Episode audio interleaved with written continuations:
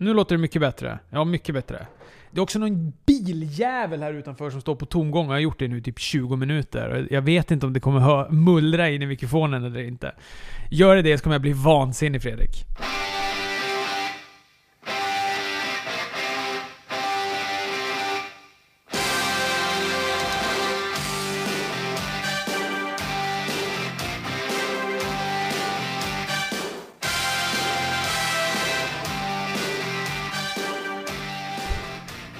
Hej och välkommen till SWP, den svenska wrestlingpodden.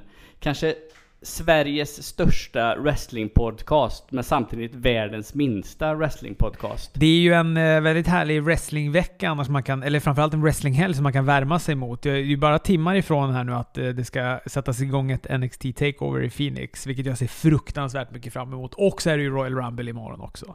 Ja, precis. Ja, Det är ju det är oerhört spännande. Jag har levt lite i wrestling-skugga den här veckan, så jag liksom inte, är inte riktigt uppdaterad ifall det har hänt något nytt. Vi småchattade ju lite häromdagen och, och om jag förstod dig rätt där så, så var det liksom som det brukar vara så här, lite lugnet före stormen. Det händer inte så mycket veckan, veckan innan. Eh, men ändå spännande, spännande helg både på NXT och eh, och eh, då Royal, Royal Rumble.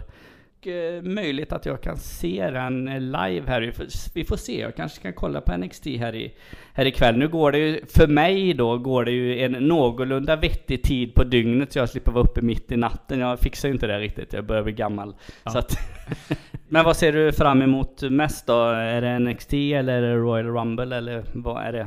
Ah, jag vet inte, jag tycker det är svårt att vikta dem mot varandra eftersom de är ju du vet, två helt olika saker som vanligt. Och eh, NXT är ju som inte orolig för på något sätt. Det kommer ju vara svinbra. Alltså det är ju fullt med bra matcher och eh, man ser, ju- jag ser väldigt mycket fram emot eh, Tommaso Ciampa mot Alistair Black, main event-matchen. Den kommer ju säkert bli riktigt, riktigt bra. Jag tror att den kan bli väldigt... ehm, eh, jag tror att den kan bli väldigt stiff den här matchen. Det känns som att, den kan, att den kan bli väldigt stiff. Det är ingen sån no disqualification eller något, utan det är en helt vanlig, vanlig match så att säga.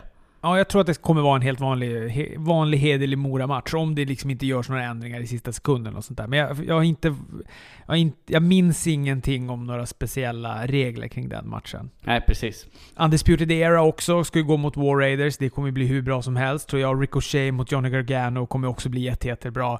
Den enda matchen som jag har lite farhågor för, det är väl Matt Riddle mot uh, Ono. Mm. Och de- den matchen, eh, jag tror ju nog att det blir en hygglig match ändå, men den matchen har vi ju sett eh, några gånger. Det är ju, så, så den känns ju inte riktigt sådär eh, NXT fräsch som, eh, som kanske de andra matcherna gör. Men eh, eh vi får se. Cassius Ono är inte någon favorit för mig. Däremot gillar ju jag då Matt eh, Riddle, men vi, vi får se. Jag, jag kan nog hålla med dig ändå att det är den matchen på pappret som, som känns, eh, känns tunnast eller så.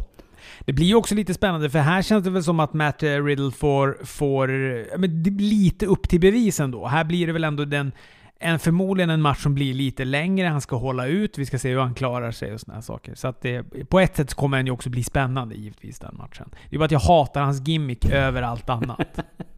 här den är härlig.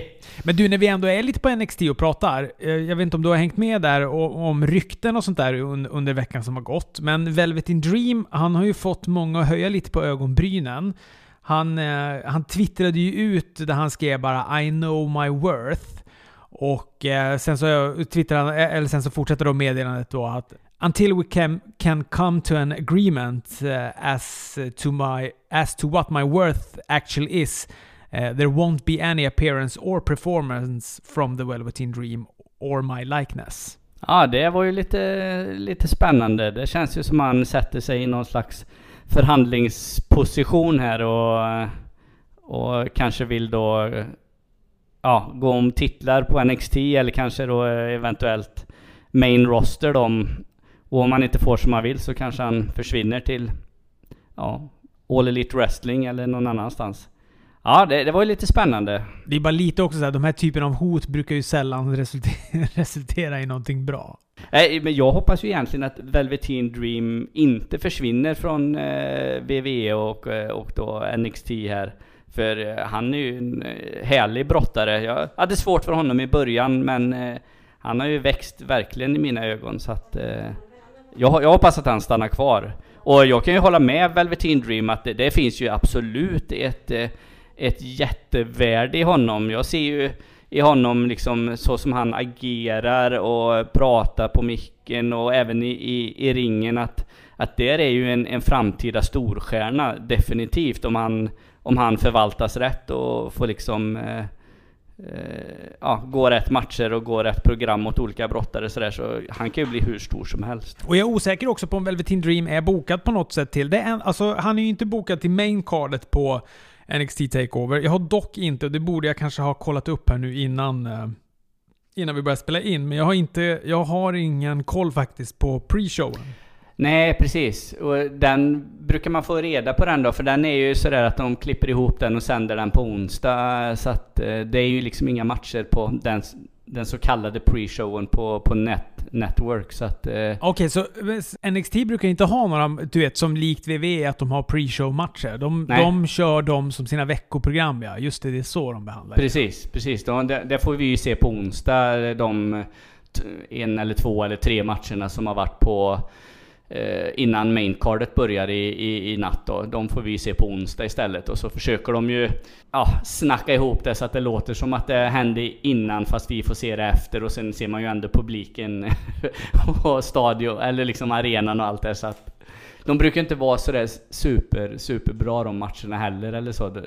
De är ju alltid vad en pre-show match är. Det, det, vi hade ju det i våran frågestund där liksom vad en pre-show match är eller hur vi vill se den men Alltså pre-show-matcher, oavsett vilka brottare det är, de blir aldrig riktigt bra. För jag tror brottarna känner att ja, men vi är på pre-showen, här behöver vi inte ge 100%.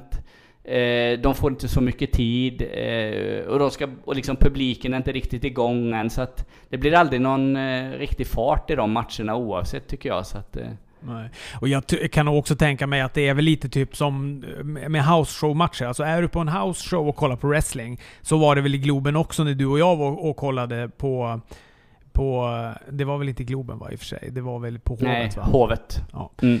Eh, när vi var och kollade på VV när de var här då i Stockholm för första gången, att man märker ju också att det är ju lite nerväxlat. De är ju inte riktigt, och de, heller, de bryter ju karaktärerna lite grann också. Så jag tror nog att man har lite kanske så annan inställning till house show kontra när det är eh, när det liksom gäller och är tv-kameror, det är fullsatt i arenan och så vidare. Ja, precis. Precis. Så, att, så, så trappar man ner lite på en pre-show så trappar man, växlar man väl ner ännu mer när det gäller en house-show kan jag tänka mig. Ja, särskilt som de ligger ute och kanske gör 5-6 eh, stycken på raken så, så går det nog inte att gå 100% varje kväll heller. Det, kroppen klarar inte av det och de orkar inte med det. Och, så att, eh, det, det, är nog inte konstigt att det är så. Sen kan man ju också växla ner, man kan ju också växla ner lika mycket som Ronda Rousey gjorde på en house show som hon gjorde här nu i veckan. Tydligen så ska det finnas två titlar och det här var nyheter för mig. Det är en som är liksom en sorts slit och släng-titel som då brottarna har ansvar för. Och så finns det också då, och den ska då användas på house shows och så vidare då. Mm. Och sen så finns det också då en, eh, en titel som produktionen har, som, och som de också då förvaltar, som de, som de då håller skinande ren och, och Eh, och repfri som då ska användas på TV, sen ska se snygg ut sådär. Mm. Och tydligen då så ska Ronda Rousey ha glömt eh, sin titel när hon skulle till, en, skulle till en house show. Vilket gjorde att de då fick ta en sån här replikatitel från merchbordet. som hon då fick hänga på sig när hon skulle gå ut och vara med där. Ja, det var ju lite, det var lite kul faktiskt.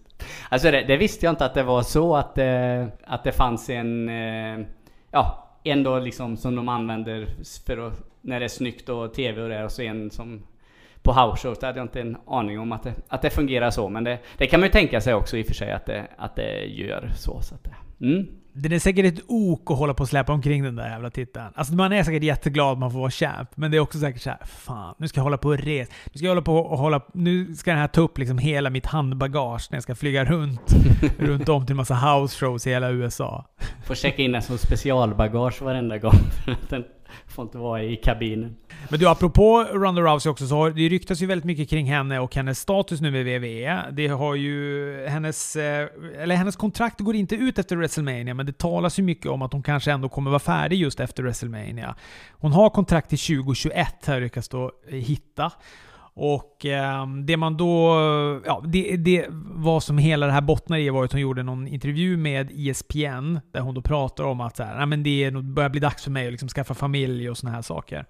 Och eh, då pratar man lite om det här att man tror då att hon kanske kommer att vara klar som brottare efter WrestleMania. Men att hon sen kommer fortfarande jobba för WWE, men att hon då ska liksom skaffa barn och såna här grejer. Eh, för att då kanske senare göra någon comeback då långt, långt längre fram. Ja okej. Ja för jag såg att Nia Jax eh, och hon hade tweetat lite bort och fram något att eh, ja, du försvinner ju ändå efter WrestleMania eller något sånt där. Jag, jag vet inte exakt vad, hur, hur tweeten var men någonting om det hade de ju twittrat. Så att, mm, det, det får vi se då. Men det har ju du pratat om förut att du har hört om rykten att hon liksom bara är fram till WrestleMania och sen Ja. Eh, jag trodde ju att hon hade kontrakt som gick ut, att hon bara hade skrivit för ett år. Men, men tydligen så ska hon ha det ändå till 2021. Att hon ska ändå ha tid kvar att kunna. Men att hon då... ja, Det, ja, nu har man ju absolut ingen som helst insyn, så nu är det ju bara superspekulationer. Då. Men jag kan väl tänka mig att hon har något så här, ja men ett år så ska du göra ändå så här många matcher och du ska eh, vara med liksom och vara en aktiv brottare. Och sen så kan vi typ eh, kan vi utvärdera det om du ska göra någonting annat eller såna grejer. Hennes snubbe ska ju tydligen också brotta, eller hennes snubbe är även någon före detta UFC-kille, eller om han är en UFC-kille.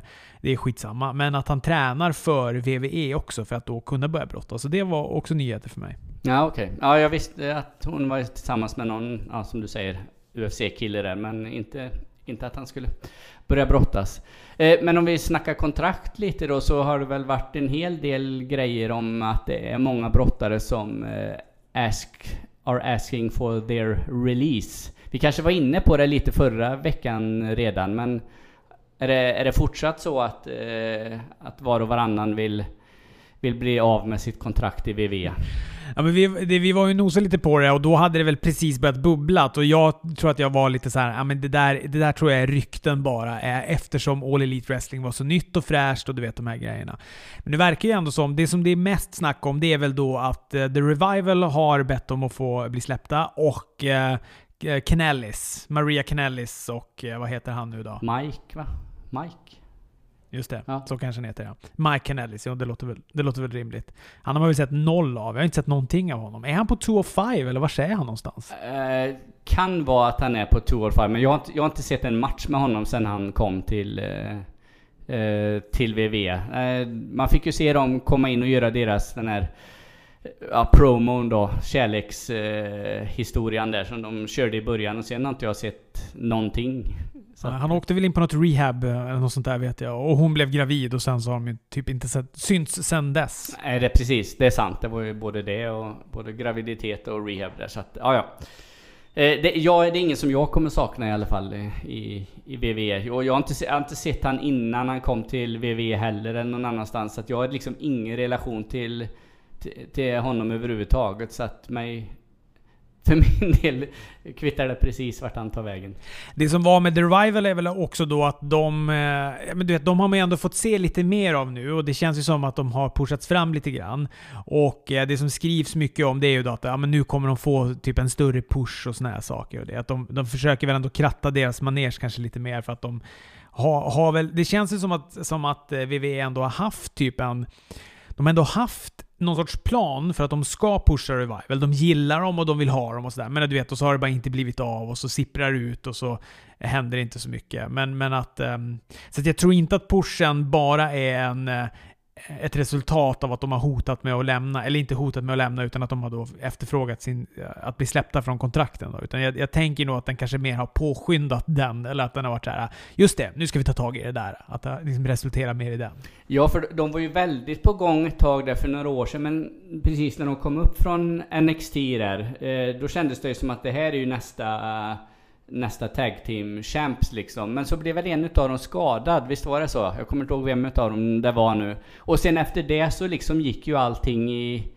Dels var de ju borta länge då för skadans skull, och sen har de liksom aldrig kommit igång efter det. De har ju bara fått göra lite sån här, men sen, samtidigt som du säger nu det sista med det, eh, fast man kan tycka vad man vill om Lucha House Party och Lucha House Party-regler och allt vad det nu var ett tag där.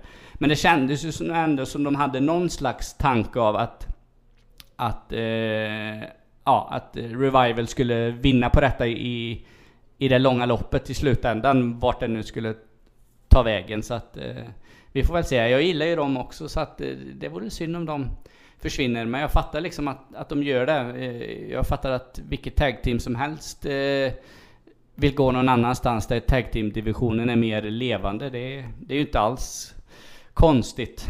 Undrar också om du vet hela den här tag team grejen då, att man kanske känner som The Revival då, att eh, men du vet att All Elite Wrestling också då lockar ännu lite mer. För att du vet, där har man Young Bucks, man vet att de är ett superspännande tag team som är superpopulärt och att är det någonstans som förmodligen tag team-divisionen kommer blomstra så kommer det vara på All Elite Wrestling. Det säger man ju bara rent av spekulationer, men man har ju ändå någon sorts grundkunskap i hur wrestling funkar. och, och eh, och i och med deras popularitet så känns det ju som att de kommer vara väldigt noga med att det finns en blomstrande tag team-division. Ja, precis. Absolut. Och så har vi ju SCU där också liksom som, eh, som är bra tag team. Så att eh, det, det, känns ju som att eh, det kommer bli kanonbra på All Elite Wrestling.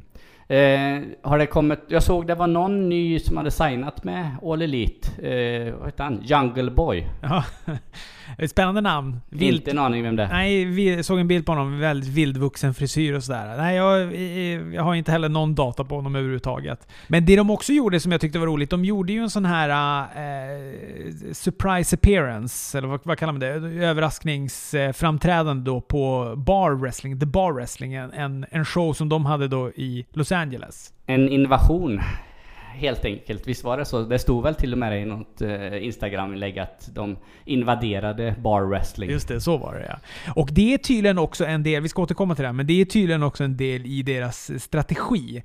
Alltså att de, ett, ett sätt då för att de ska hålla sig relevanta och heta och som då snackisar fortfarande då i wrestlingbranschen, trots att de då inte syns på TV och sånt där. Det ska då vara att de då ska invadera eller göra sådana överraskningsframträdanden då på olika independent eh, wrestling-scener då runt om i landet.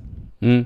Och att man ska säga det här ska hållas hemligt då hela vägen fram tills kanske just eh, minuterna innan showen startar. Då har, ska, ska så här, promoterna få twittra ut något så här, kryptiskt som ska då jag vet jag, tisa om, en, eh, om att det ska hända då, så ska de kunna då invadera och såna här det tycker jag eh, låter spännande och som en smart grej att göra också. Ja, precis. Och i och med som du säger att de inte eh, brottas så mycket nu då, i och med att de inte brottas i Ring of Honor till exempel, så, eh, så måste de ju synas någonstans. Och sen har de väl fullt upp med att fixa med sin eh, nästa gala då, Double or Nothing. Så att eh, det är väl ett perfekt sätt att, att, att synas. Såg du den här när de invaderade The Bar Wrestling? Nej, jag har bara sett, eh, sett en, bild, en bild på det, så inget, inget filmat. Det var väldigt, väldigt kul. Framförallt var det väldigt roligt i slutet när de hade liksom promos, de stod och pratade alla sånt där. Då eh, bland annat eh, Cody eh, anställde alla i publiken. för att sen, två, två och en halv minut senare var han tvungen att ge alla sparken för att han hade inte råd att ha kvar, att ha kvar allihopa. Eh, världens snabbaste eh, anställning och avsked. Då. Ja. Eh, det var väldigt, väldigt kul. Och också att publiken så här, skanderade 'Higher' vad heter han? Joey Ryan va? Visst heter han så? Han som har det där. Mm. Så då skanderade de så här, Hi, uh, Joey' och så här, för att de vill att han då ska anställas av All Elite Wrestling. Då. Men, och då tog, jag tror att det var Matt Jackson av av de som tog mikrofonen och bara vi hade gärna gjort det, men, men eh, han ägs av Lucha Underground fram till 2022. Ja, men det, det, har jag hört också att Lucha Underground, även fast de troligtvis inte kommer göra en femte säsong, så har de sådana idiotkontrakt med sina wrestlare, så de kommer inte loss från dem. Det var väl även hon eh, eh jag såg, en, var det Petter Bristad som hade lagt upp, eh, om hon Iva Lis, att hon, eh, hon inte kom ur sitt kontrakt eh, med, med Lucha Underground då. Fast man inte ens vet om det blir en, en femte säsong eller inte. Jaha, okej. Okay. För de, eh, den, den slutade ju ganska... Den slutade ju ändå med en ganska stadig cliffhanger säsong eh, 4, så jag tänkte att den typ var redan in the making den här säsong 5, men då är det inte ens... Det är inte ens påbörjat någonting där. Så, så som jag fattar utifrån de kommentarerna som var skrivna där, så var det att de hade, ing, det var inget, de hade inget TV-kontrakt, det var eh, skrivet med någon. De ligger ju på ett väldigt litet TV-bolag och vad jag fattar då så skulle det här TV-bolaget inte eh, fortsätta. Så att, eh, eller att det kanske inte var färdigförhandlat med dem hur kontraktet skulle se ut. Så att det var väl lite sådär svajigt eh, hur det kommer bli med den här eh, femte säsongen. Jag hoppas ju verkligen att det blir en femte säsong. För nu, eh, jag, tycker, jag tycker Lucha Underground-konceptet är, eh, är, är, väldigt bra. Här, här får man eh, det bästa utav två världar. Man får wrestling och så får man eh, en tv-serie samtidigt liksom. Även fast det är mer, mer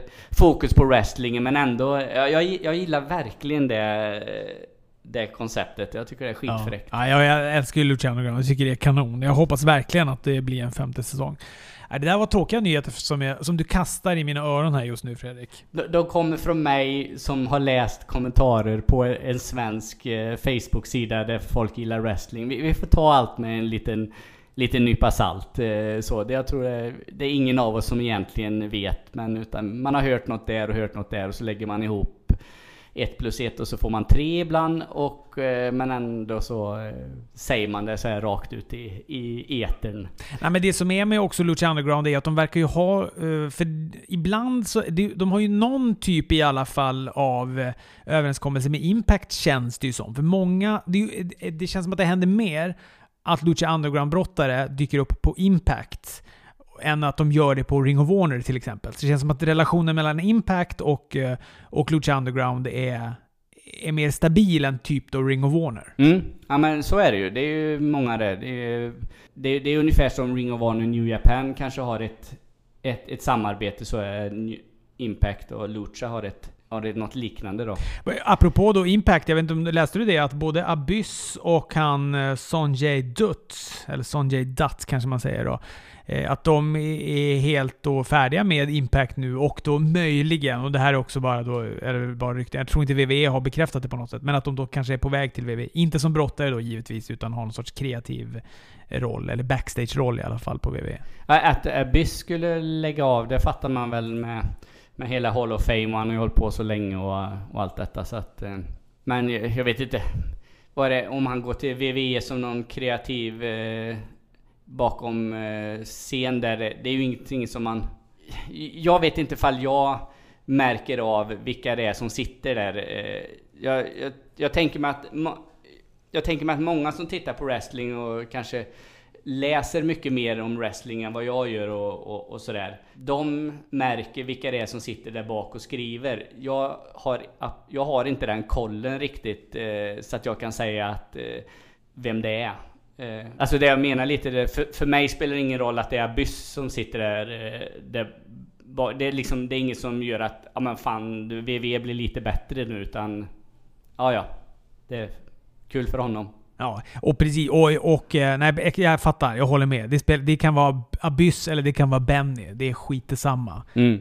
Gör det bra bara. Och eh, VV kommer ju heller aldrig på något sätt erkänna Abyss på något sätt. Han har ju inte haft något med VV att göra. Jag så läste någon som pratade om så här, ja men nu kanske det möjlig, möjliggör äntligen den här då matchen mellan Undertaker och Abyss och sådär. Men det, det, kommer ju aldrig hända. De är väl helt, om, framförallt heller om han också har lagt av och han gick ju en, en eh, på den här Homecoming pay per view så gick han ju en match Abyss och, och jag vet inte, men jag har ju aldrig varit intresserad. Jag har aldrig tyckt att han är spännande Abyss.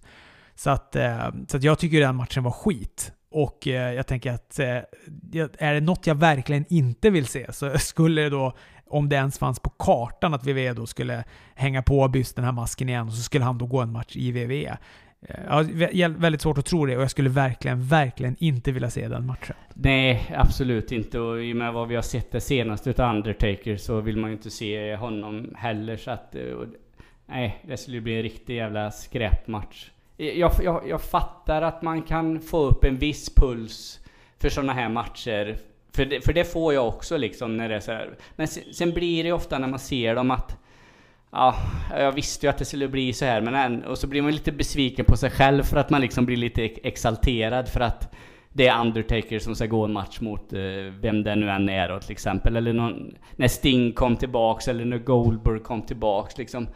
Det, det, det blir ju aldrig, det, det, blir ju inte riktigt, riktigt det som man, som man förväntar sig att det ska bli. Det är, visst, det är häftigt när Sting står i lådan och Seth Rollins eh, öppnar den då liksom, och så, så, och så står Sting där med sitt baseballträ. Alltså det är ju skitfräckt. Men sen vet man ju den här matchen som kommer sen någon gång då att det, det, det blir ju aldrig det blir ju aldrig så bra som man vill att det ska bli och så blir man ju bara besviken på det. Och att man vet ju också att det är för sent. Det är ju för många år för sent. Det är klart att jag tyckte också att det var fränt när Sting kom, men jag visste ju också, precis som du säger, man vet ju att det, det kommer inte bli någon bra match det här. Stings bäst före-datum har passerat. Han kommer inte göra någon bra match. Det där skulle ju ha skett när de annekterade VCV. Alltså det där skulle ju ha skett 2001. Absolut. Vet du varför Sting inte gick till VV när det blev den invasionen? Jag tror att det var för att Sting och alla de andra stora namnen hade ju väldigt lukrativa kontrakt. Eh, de kontrakten sträckte sig eftersom VCV eh, blev ju uppköpt och de hade ju kontrakt som löpte på flera år. Och eh, de kontrakten eh, löd ju också att de kan bara sitta hemma. Alltså VV tog inte över de kontrakten. Utan då var det så här, eh, VV kanske gjorde ett, ett erbjudande då till Sting eller Kevin Nash och, och de här stora brottarna och var så här, ja men här, ni får komma och jobba hos oss, de här pengarna får ni. Men då var ju de så här, fast vi kan ju också bara sitta hemma och inte göra någonting och få svinmycket pengar. Så då valde ju de eh, framförallt, eh, då valde ju alla dem att sitta hemma istället. Sen vet jag väl inte, Sting är väl kanske den som då skulle kunna ha någon sorts arbetsmoral och känna så här, ja men jag kan ju väl jobba där också då.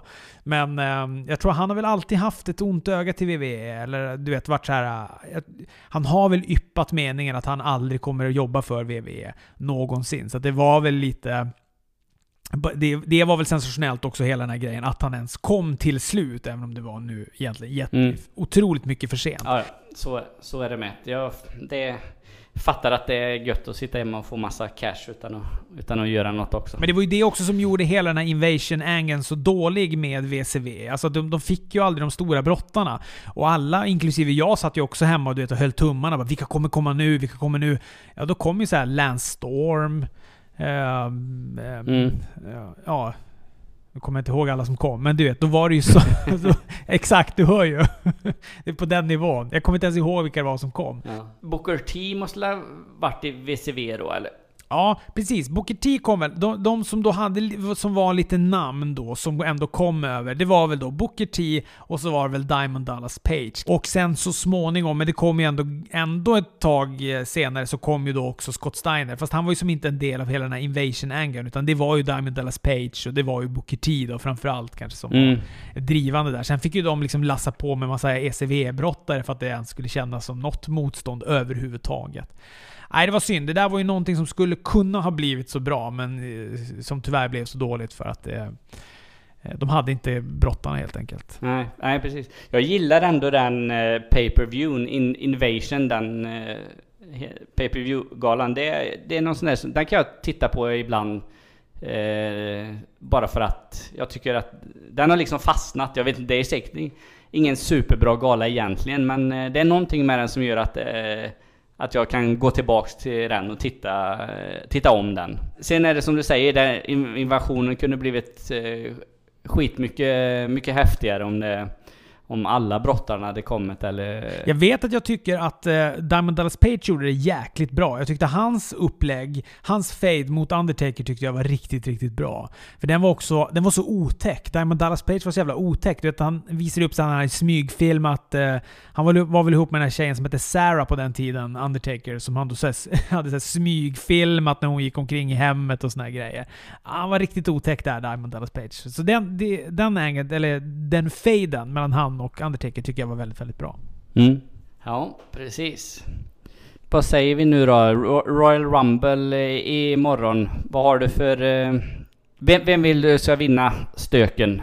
Jag tror ju att... Eh, jag, jag, är ju fortfarande, jag tror ju fortfarande att Seth Rollins är den som kommer att vinna stöket. Och det gör ju mig ledsen, för att då vet jag att då kommer det vara han mot Brock Lesnar på WrestleMania. Jag, det är en match jag inte vill se. Jag vill ju att Finn Balor ska ta titeln i natt. Jag vill ju det. Det skulle vara typ en av årets bästa grejer som händer ifall han tar titeln i natt. Men, eller på, på Royal Rumble då. Men eh, det kommer väl förmodligen inte hända. Ja, det vore ju världens överraskning om man gjorde det. Men jag tror ju att antingen kommer Seth Rollins vinna den, eller så kommer Braun Strowman vinna den. Ja, det är ju någon av de två som kommer vinna tit- eller som kommer vinna Royal Rumble, det tror jag. Ja, jag, jag, hoppas ju, jag hoppas ju fortfarande på att Samoa Joe får uh, vinna Rumble. Men jag, jag, är tveksam till att han, att han får göra det. Men jag skulle tycka det var skitfräckt om han...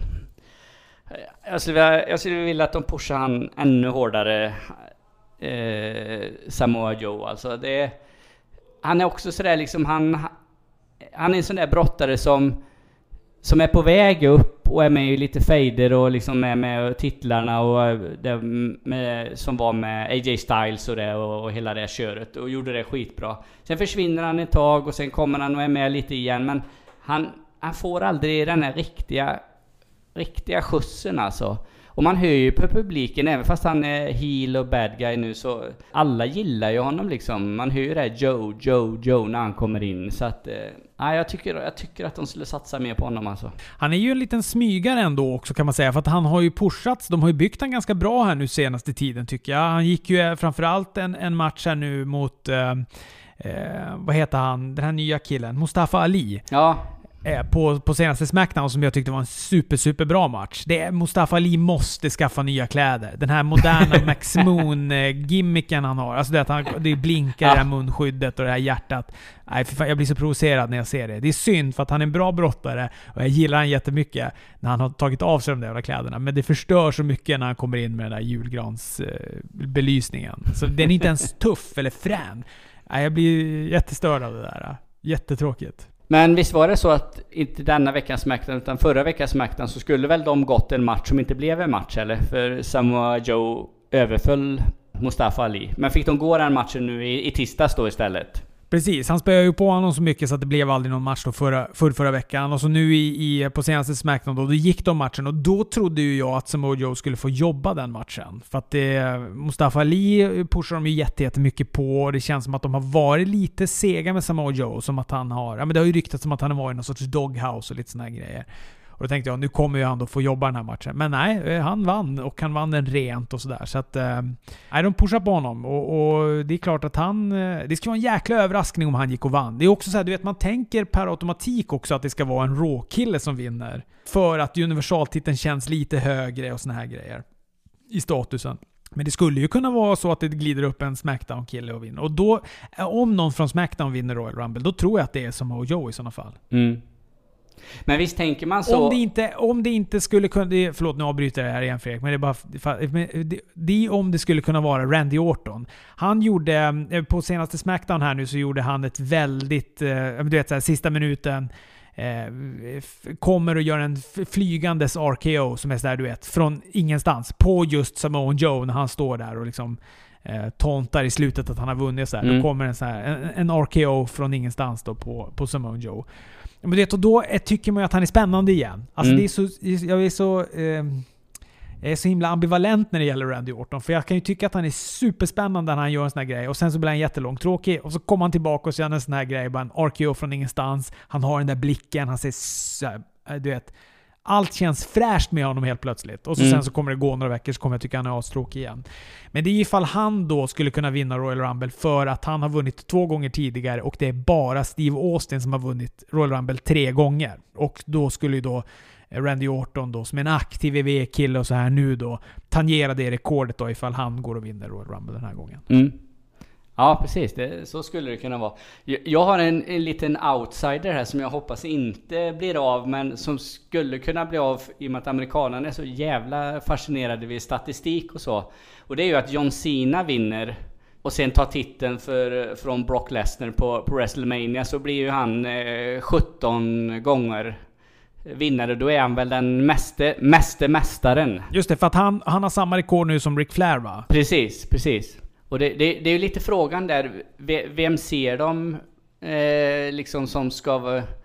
Eh, någon gång kommer ju det här rekordet slås, men tycker de att John Cena är en sån som är värdig att slå det här rekordet? Eh, Ja, det skulle man ju kunna, kunna tycka i och med att han har hållit på så länge så. Men jag, jag vet inte ifall de, de kanske inte ens tänker så, det kanske bara är jag som tänker så, men John Cena, han, när han kom tillbaks nu för ett par veckor sedan, då hade han ju med det i sin promo.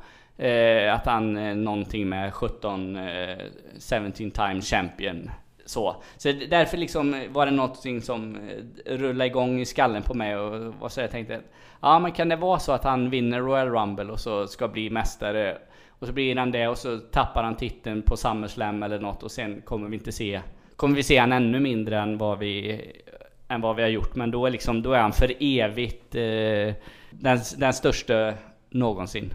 Det var bara en, en teori. Det har ju skrivits en del om John Cena här nu senast. Han, eh, kom, det kom ju plötsligt upp en nyhet på VVEs hemsida att han är skadad och att hans ehm, medverkan då i Royal Rumble äventyras.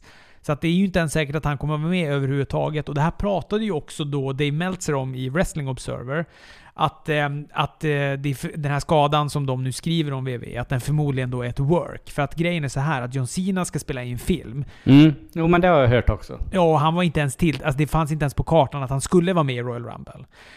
Men att man annonserade honom som en deltagare i Royal Rumble för att han skulle påbörja det vi pratade om förra veckan. Du vet, att han skulle prata om, eller att han skulle påbörja det här programmet med Lars Sullivan. Och att Lars Sullivan då skulle skada John Cena så pass mycket Eh, i så att han då inte kan vara med på Royal Rumble. Och så ska det då leda en match mellan de två då, så på, sen då på WrestleMania. Men så hände ju aldrig det här då med eh, Lars Sullivan på grund av hans frånvaro. Och nu måste de ju få ut honom ur Royal Rumble och då blev det att de bara du vet, spökska, skrev ut honom med en sån här spökskada. Han har skadat sig på någon house show eller du vet så här, så att han kommer nog inte kunna vara med. Så, att, eh, så jag tror inte att... Eh, och jag tror att det här är, det känns rimligt. För att han håller på och ska spela in film och det känns som att... Ja men du vet, som man pratar om med The Rock och sådär. Du vet, de vill ju inte äventyra att han går och skadar sig i någon wrestlingmatch. När han har liksom... De har ju investerat jättemycket i att de ska spela in den här filmen. Så att, eh, så att jag, jag, tror att han kommer inte ens vara med överhuvudtaget. Nej, men då, det följer min teori fullständigt. Men det låter ju rimligt det du säger. Men vem, det, det som skulle kunna vara... Skulle Seth Rollins kunna vinna och utmana AJ Styles istället? Skulle det kunna vara något? Eh, ja, det är klart. Det finns väl ingen som säger att eh, han inte kan eh, eh utmana eh, en mästare från ett annat brand. Då hoppar han ju över till Smackdown och det skulle väl absolut kunna gå. Det vore ju en fräck match, absolut. Det är ju en wrestlemania match jag gärna ser. Alltså hemskt gärna ser. Det är ju det enda liksom positiva, ifall nu på söndag Roman Reigns står kvar i slutet. Det enda positiva kommer vara då, det är att, eller som jag kommer hänga upp mina tankar på för att inte gå ner mig fullständigt. Det är ju att då att han istället för att gå mot Brock Lesnar ska utmana AJ Styles och så går de en match. Det, det är ju också en match som... Eh, som eh, Seth Rollins behöver, tycker jag. Jag vet ju att du är, väldigt, du är ju ett väldigt stort fan av Seth Rollins och jag tycker mm. också om Seth Rollins, men jag tycker att han har stagnerat och jag tycker inte att han har varit så speciellt... Han har inte känt så fräsch den senaste tiden. Jag tycker inte att han har gått så bra matcher heller. Men det kan ju också bero på motstånd och sånt där. Men en match mot eh, AJ Styles på WrestleMania, det skulle ju verkligen kunna vara någonting. Mm, men, men då tänker du dig att AJ Styles vinner över Daniel Bryan på söndag också? Ja, just det. Han är ju inte ens champ. Står jag och surrar Ja, okej okay då. Vi spolar tillbaka allting. Jag kommer inte ens orka klippa det här. Vi spolar tillbaka allting och så säger vi att han utmanar Daniel Bryan. Och då kan vi bara översätta allt jag sa, fast insert Daniel Bryans name över allt jag sa AJ Styles. Det är också en match jag jättegärna ser. Ja, absolut. En, det kan ju bli en uh, triple threat mellan dem. Jag är ju mycket för med triple threats och sådana grejer, så att uh, Ja, nej men eh, alltså det är ju sådana eh, såna matcher som man vill se. Daniel Bryan, Seth Rollins, AJ Styles, Seth Rollins. Och så in med Finn Balor i den mixen också där så... Eh, fan det finns ju hur många bra matcher som helst som kan, som kan göras. Ja, verkligen. Jag hoppas Finn Balor står som mästare. Han tar Brock Lesnar, men det, vet, jag ser ju... Jag, jag, har matchen framför mig i huvudet redan nu. Alltså det kommer vara en match där Brock Lesnar börjar med att dominera mot eh, Finn Balor. Mm. Och sen kommer han bli lite för cocky, alltså känns lite för överlägsen och sådär. Och då kommer eh, Finn Balor vända och så kommer det vara du vet, några sådana här klassiska, att, det, du vet, att man tror att han... Nu kommer han eh, räkna ut alla tre, du vet, och så kommer Mm. Brock Lesnar kicka ut i sista sekunden och så här. Och sen så blir det två F5 och sen är det kört. Mm. Lite, lite repris på Brock Lesnar Daniel Bryan matchen som var... Ja men den var ju, jag tyckte den var ju väldigt bra den matchen. eh, Så att, eh, men, men, det, men du tänker det något i den, i den stilen och det låter väl inte helt eh, orimligt. Vem tror du, vilken brottare tror du kommer kasta ut flest, eh, flest personer då? Oh.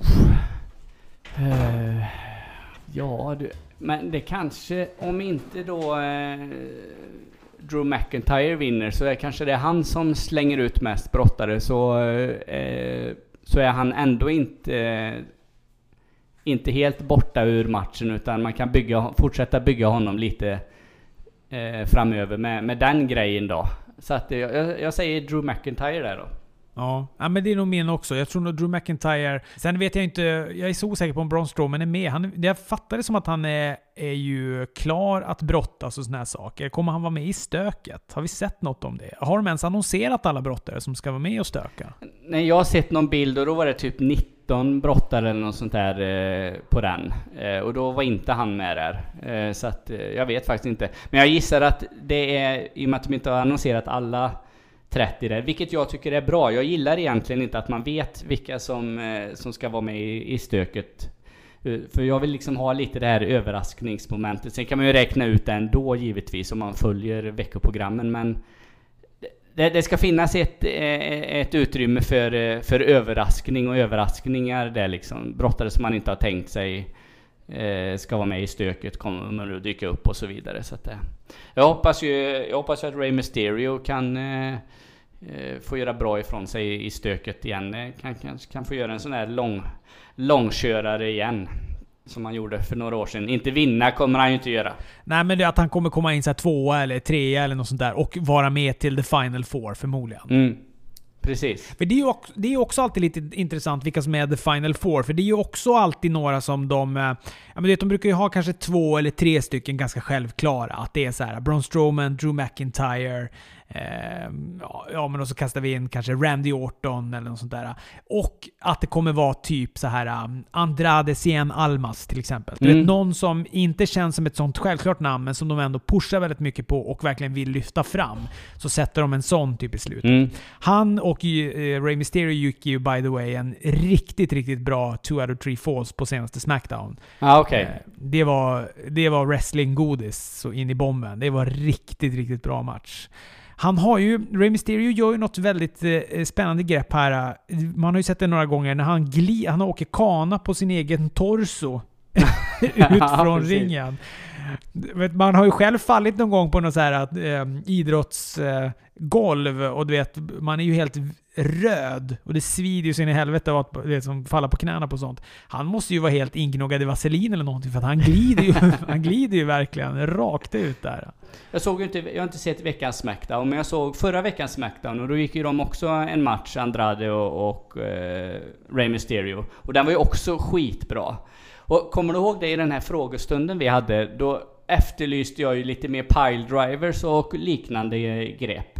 Rey Mysterio och Andrade Cien Almas, de gör ju någon jävla vari... Alltså jag kan ju inte ens förklara detta så att lyssnarna eh, fattar. Men men han hoppar ju upp på Andrade Cien Almas och så gör, snurrar de ju runt båda två och han landar ju då på, på nacken och Rey Mysterio kan ju mer eller mindre pinna honom. Alltså den ser ju helt galen ut och det, det är ju sån där, jag älskar ju det greppet alltså. Det är fart i greppet och det ser livsfarligt ut.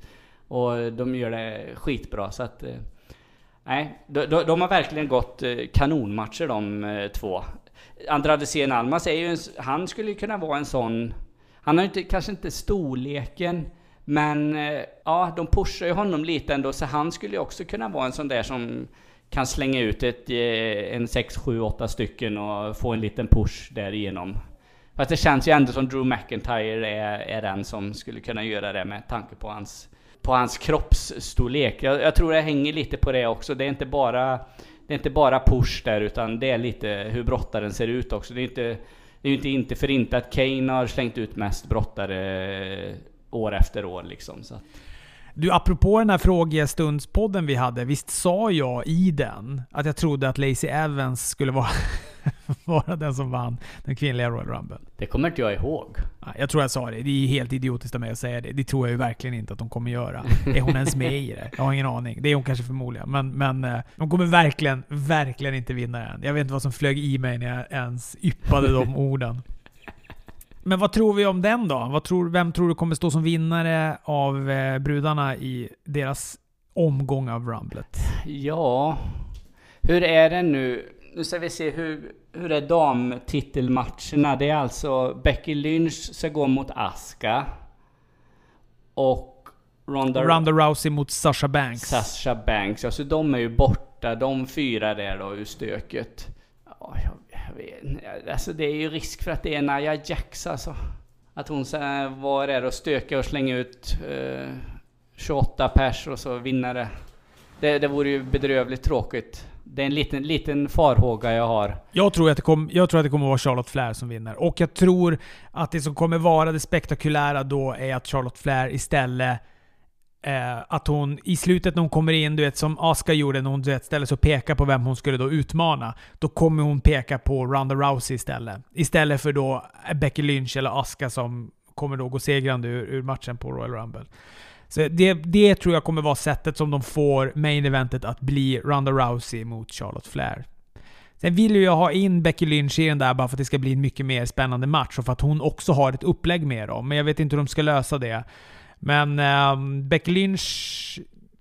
Ja, eller att kanske så här... Äh, kan de göra någon sorts kombo-varianter? Kan, kan båda titlarna vara på spel i en och samma match? Kan Becky Lynch ta titeln mot Aska och så är det Aska och eh, Becky Lynch... Nej, och så är det... Nej, förlåt. Att Becky Lynch tar titeln av Aska och så är det Becky Lynch mot Charlotte mot Ronda Rousey. Ja, det, det blir bökigt. Fast det är också konstigt, för då skulle det vara någon sorts unification-titelmatch eh, där, eller stökigt. Precis, äh, det, det blir stökigt efteråt hur de ska hur de ska kunna lösa det och dela på titlarna och... Eh, ja, nej. Det, nej, jag tror inte att titlarna, eh, alla två, eller alla två, båda två titlarna kommer vara på spel på WrestleMania. Men jag är inne på samma spår som du att att eh, jag vill se en triple threat där mellan eh, Ronda, Becky och eh, Charlotte. Ja, det, det, den vill jag verkligen se den matchen. Så det, jag hoppas att det, att det blir så. Men jag, jag, är fortfarande, jag är fortfarande lite rädd för Nia Jax alltså. För det verkar som de tycker väldigt bra om henne och vill, vill pusha henne hit och dit. Men det, det kanske är så att hon, kommer, hon och Tamina kommer ta tag team titlarna istället. Och så eh, nu på, vet du den, Elimination Chamber. Eh, jag, vet, jag vet inte. Men eh, vi, vi, får se. Vi får se vad det tar vägen. Det, kan, det skulle ju också kunna vara någon sån grej, du vet att... För alla tror att Charlotte Flair ska vinna. Det kan ju också vara någon sån grej att någon kommer in och slänger ut Charlotte Flair. Någon som inte ska vara med. Ronda Rousey kanske kommer in och slänger ut Charlotte Flair och så får de, du vet, någon sorts upplägg däremellan. Och så tvingas det bli en match på WrestleMania för att de har så mycket hit mellan varandra. Och så är den som vinner Royal Rumble kanske då den bruden då kanske utmanar istället Smackdown-mästaren. Du vet. Och så, eh, då finns det ju en ledig spot där för Ronda Rousey.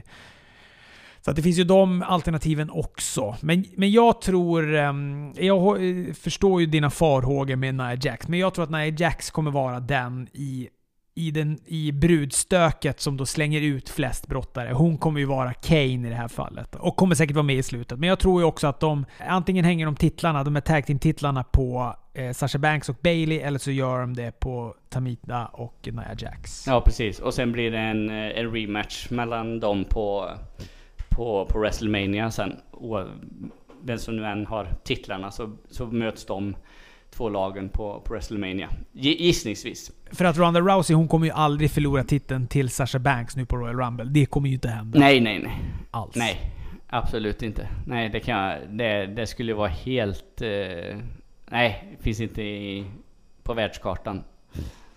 Ja, nej men en spännande, spännande wrestlinghelg och vi kommer väl gå igenom detta nästa vecka. Så nästa söndag så får ni eh, våra tankar om både NXT eh, Takeover och eh, då Royal Rumble.